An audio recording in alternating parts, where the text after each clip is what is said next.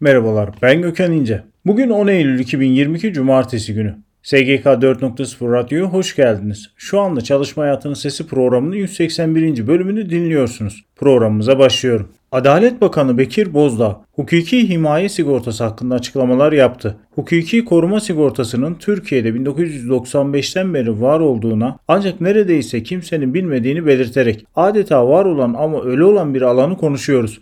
Önümüzdeki dönemde var olan ama uygulaması az olan bu alanı uygulamaya taşımak ve kapsamını genişletmek, yeni bir hukuk sigortası düzenini ülkemize kazandırmak istiyoruz dedi. TOB'a bağlı oda ve borsalarda seçim heyecanı başladı. Tarih ve isimler şekillenmeye başladı. Odalar TOP kanununa göre her 4 yılda bir seçimlerini yenilemek zorunda. Seçimin yenilenebilmesi için 2022 Eylül'üne kadar tarih belirlenmesi gerekiyor. İstanbul Ticaret Odası ve İstanbul Sanayi Odası gibi Türkiye'nin en büyük odalarında seçim tarihleri belirlendi. Havayolu yazılımları alanında dünyanın önde gelen teknoloji şirketlerinden Hitit, 5 kıtadan gelen 40'ın üzerinde havayolu ve seyahat firmasının temsilcisini İstanbul'da ağırladı. Her sene dünyadaki havayolu partnerlerini bir araya getiren Hitit Partners Event, COVID-19 salgınından sonra ilk defa düzenlendi. İstanbul Barosu Bilişim Komisyonu Yapay Zeka Çağında Hukuk Bülteni'nin Ağustos 2022 sayısı yayınlandı.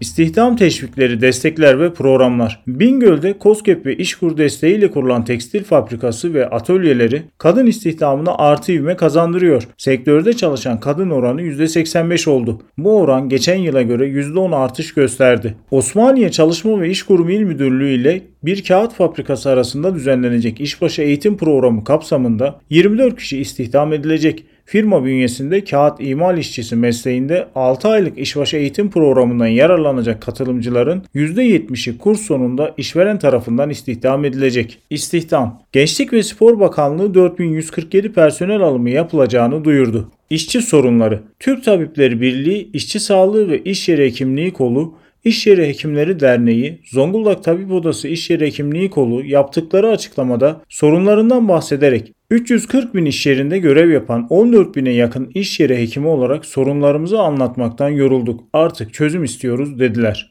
Eğitim İş Sendikası'nı ve öğretmenler Ankara'da sorunlarının çözümü ve öğretmenlik meslek kanununun iptali için Milli Eğitim Bakanlığı önüne yürümek istedi.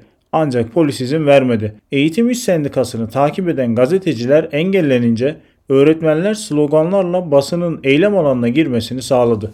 Sempozyum, etkinlik ve eğitimler. Akadaş Elektrik Dağıtım AŞ sıfır iş kazası ilkesiyle hareket ediyor. Yapılan açıklamada bu doğrultuda yüksekte çalışan personellerimiz yüksekte çalışabileceklerine dair raporlar alındıktan sonra iş güvenliği uzmanlarımız gözetiminde ilgili eğitimler verilerek çalışmalarına başlıyorlar. İş sağlığı ve güvenliğini kurum kültürümüzün bir parçası olarak görüyor, gerek periyodik olarak tekrarlanan eğitimlerimiz, gerekse denetim mekanizmalarımızla doğabilecek iş kazalarının önüne geçmeyi hedefliyoruz denildi. Ben Gökhan İnce, SGK 4.0 Radyo'da Çalışma Hayatının Sesi programının 181. bölümüyle sizlerleydim. Programımızda çalışma hayatına ilişkin gelişmelere özet halinde yer verdik. Programımızda yer verdiğim özet gelişmelerin detaylarını e-posta bültenlerimizde bulabilirsiniz. E-posta bültenlerimizi görüntülemek ve üye olabilmek için LinkedIn hesabımızı veya internet sitemizi ziyaret edebilirsiniz. Bir sonraki yayında görüşmek üzere.